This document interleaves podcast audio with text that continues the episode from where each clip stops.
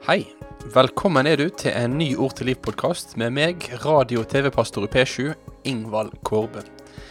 I dag så fortsetter vi gjennomgangen av andre Timoteus brev, og jeg kommer til å bruke en del tid i dag på et sånt eh, ja, teologisk konsept, kan jeg kanskje kalle det. Det handler om hvordan en kan forholde seg til ulik grad av uenighet i kristne sammenhenger.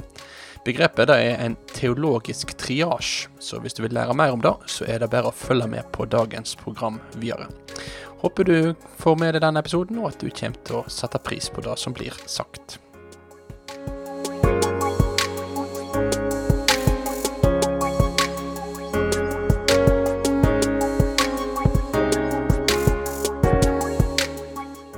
Første verdenskrig rammer Sentral-Europa knallhardt. Horder av mennesker døde, og mange flere ble skada i de utstrakte og utmattende skyttergravskrigene. Antallet såra soldater gjorde at de medisinske avdelingene måtte begynne å prioritere. Hva skader kan vente? Hva skader må behandles snart? Og hva skader er det vi må behandle umiddelbart? Det ble nødvendig å systematisere dette her, sånn at de som trengte mest hjelp, faktisk fikk hjelp. Og resultatet ble det som i medisinen etterpå har blitt kalt for triasje, som er det franske ordet for sortering.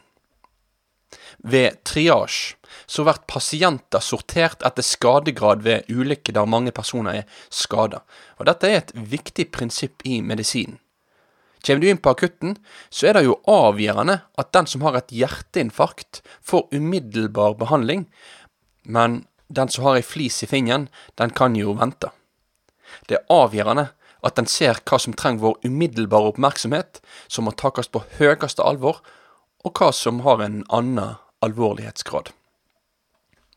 Denne sorteringen der alvorlighetsgraden ved ulike diagnoser òg bestemmer behandlingen, er òg noe som kan hjelpe oss til å diagnostisere ulike utfordringer i kristenheten.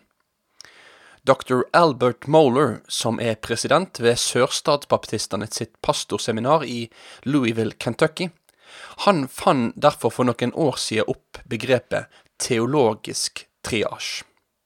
Teologisk triasj kan hjelpe oss til å tenke at det er ulik alvorlighetsgrad knytta til ulike teologiske spenninger i kristne sammenhenger. Alt etter hvor alvorlig disse utfordringene er, må vi òg tenke over hvordan vi ser på disse spenningene. Og Moller han snakker om tre ulike nivå. På nivå én er det snakk om uenighet om de mest grunnleggende og sentrale lærepunktene i den kristne trua, f.eks. uenighet om treenigheten, eller om Jesus som sann Gud og sant menneske. Her vil uenigheten være av en sånn grunnleggende karakter at det er nødvendig med et tydelig brudd.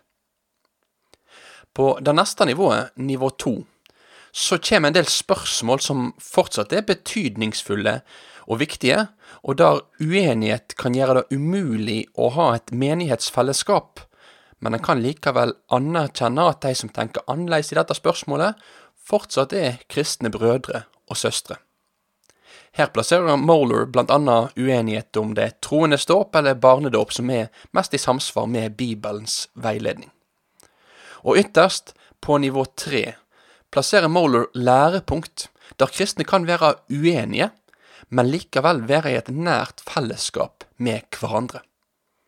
Dette kan da f.eks. være synet på ulike spørsmål knytta til endetid, om bortrykkelse eller tusenårsriket. Dette er på ingen måte uviktige spørsmål, men det er spørsmål der en òg innad i en menighet kan ha rom for forskjellige meninger, og at en kan bryne disse meningene på hverandre. Hensikten med en sånn teologisk triasj, det er å hjelpe oss til å kunne skilje mellom ulike former for læremessige uenigheter i kristenheten.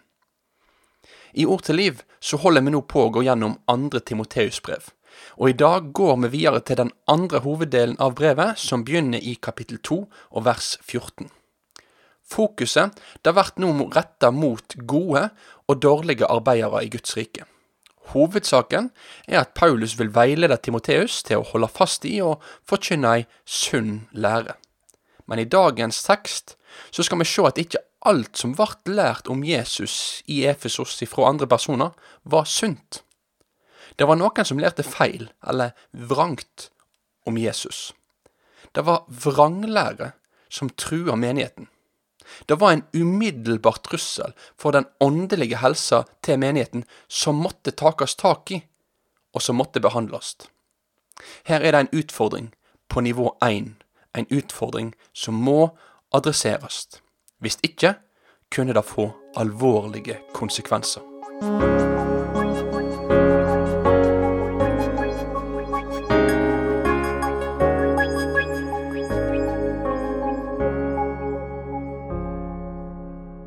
Vi leser sammen 2. Timoteus brev, kapittel 2, og vers 14 til 18.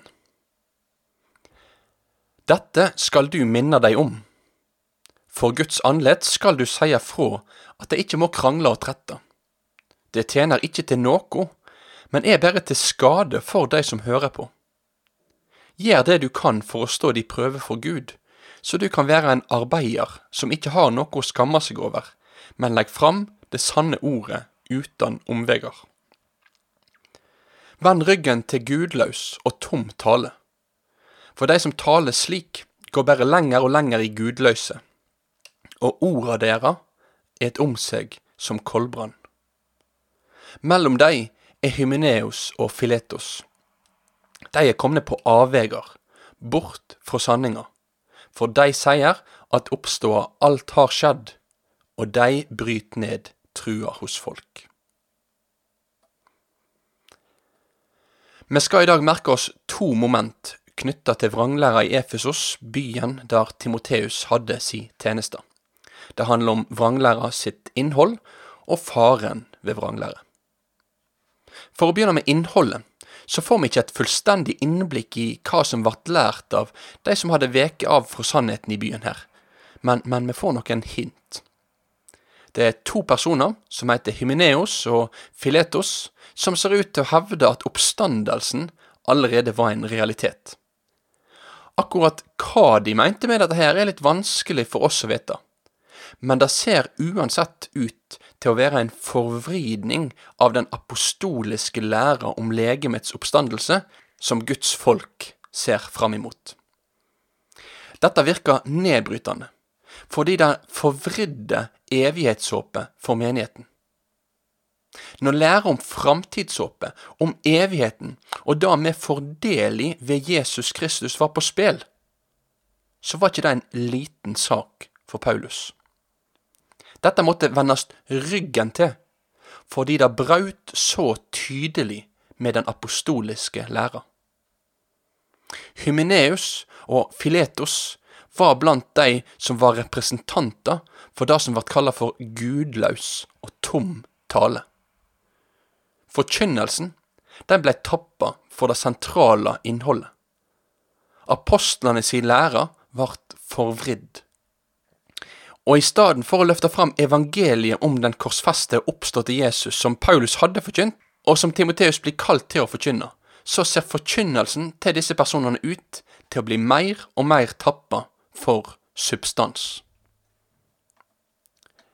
Det å vike av fra sannheten, det kan både handle om det som blir sagt, og om det som ikke blir sagt. Det kan handle om at det som blir sagt, er feil, men det kan òg handle om at fokuset blir vridd vekk fra det apostoliske budskapet sitt sentrale innhold, det som vi i dag kan lese i Bibelen. For å gå tilbake til den modellen som jeg presenterte i starten av programmet i dag, om teologisk triasj, så kan vi da se at når evangeliet om Jesus forsvinner ut fra kirka, så er dette her noe som er av høgste alvor. Det er nivå én. Det er krise. Det er noe som Timoteus ikke kunne leve i aksept av. Han måtte vende ryggen til det. I dag òg trenger kristne kirker og kristne ledere denne påminnelsen. Desto mer utvatna og fraværende det apostoliske budskapet er i en sammenheng, desto mer alvorlig er situasjonen. Derfor er det faktisk sånn at det kommer situasjoner der kristenledere som underordner seg Bibelens ord, må si at de ikke kan samarbeide med den eller den menigheten, eller den eller den kristenlederen, fordi det de lærer er så djuptgående feil at en ikke kan stå skulder til skulder med denne personen. I toleransen si tid så er ikke dette det mest populære standpunktet. Men for å verne om den sunne læra, så må vi òg ta avstand fra den usunne læra. Men er dette egentlig så nøye, da? Var det så viktig for Timoteus å vende ryggen til det gudløse og det tomme snakket? Hadde det noe å si om han valgte en litt snillere og mer positiv tilnærming? For Paulus var det nøye, for han så de potensielt katastrofale konsekvensene av at det apostoliske budskapet forsvant. Han sammenligner orda til de som driver med gudløs og tom tale, med koldbrann. Hva er koldbrann? Det er en tilstand som f.eks. kan oppstå som følge av en alvorlig forfrysning. Og Det som da skjer, er at kjøttet dør av manglende blodtilførsel. Det brer om seg, og mer og mer kjøtt dør. Poenget ser ut til å være vranglære har òg en drepende effekt på menigheten. Vranglæra brer om seg. Den kutter blodtilførselen til det åndelige livet, sånn at det sakte men sikkert dør ut. Da vranglæra får leve og blomstre, dør den sunne læra. Og da den sunne læra dør, da dør òg livet. Derfor må Timoteus verne seg og verne menigheten sin fra vranglære fordi alvorlig uenighet om de mest sentrale spørsmålene i den kristne trua er drepende for et sant gudsliv. I stedet for så skal Timoteus få legge fram Guds sanne ord, rett fram, uten noen omveier. Og det er vårt kall i dag òg.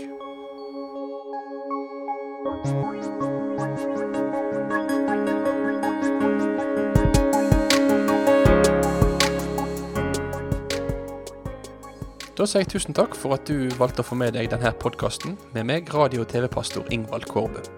Vi i P7 vi har òg en rekke andre podkaster. Du kan høre Veien gjennom Bibelen eller Vindu mot livet hvis du søker deg opp i din podkastspiller. Så det er mye godt stoff vi i P7 ønsker å formidle til deg. Så abonner på deg òg, sånn at du får med deg enda mer god bibelundervisning. Ha en god dag videre.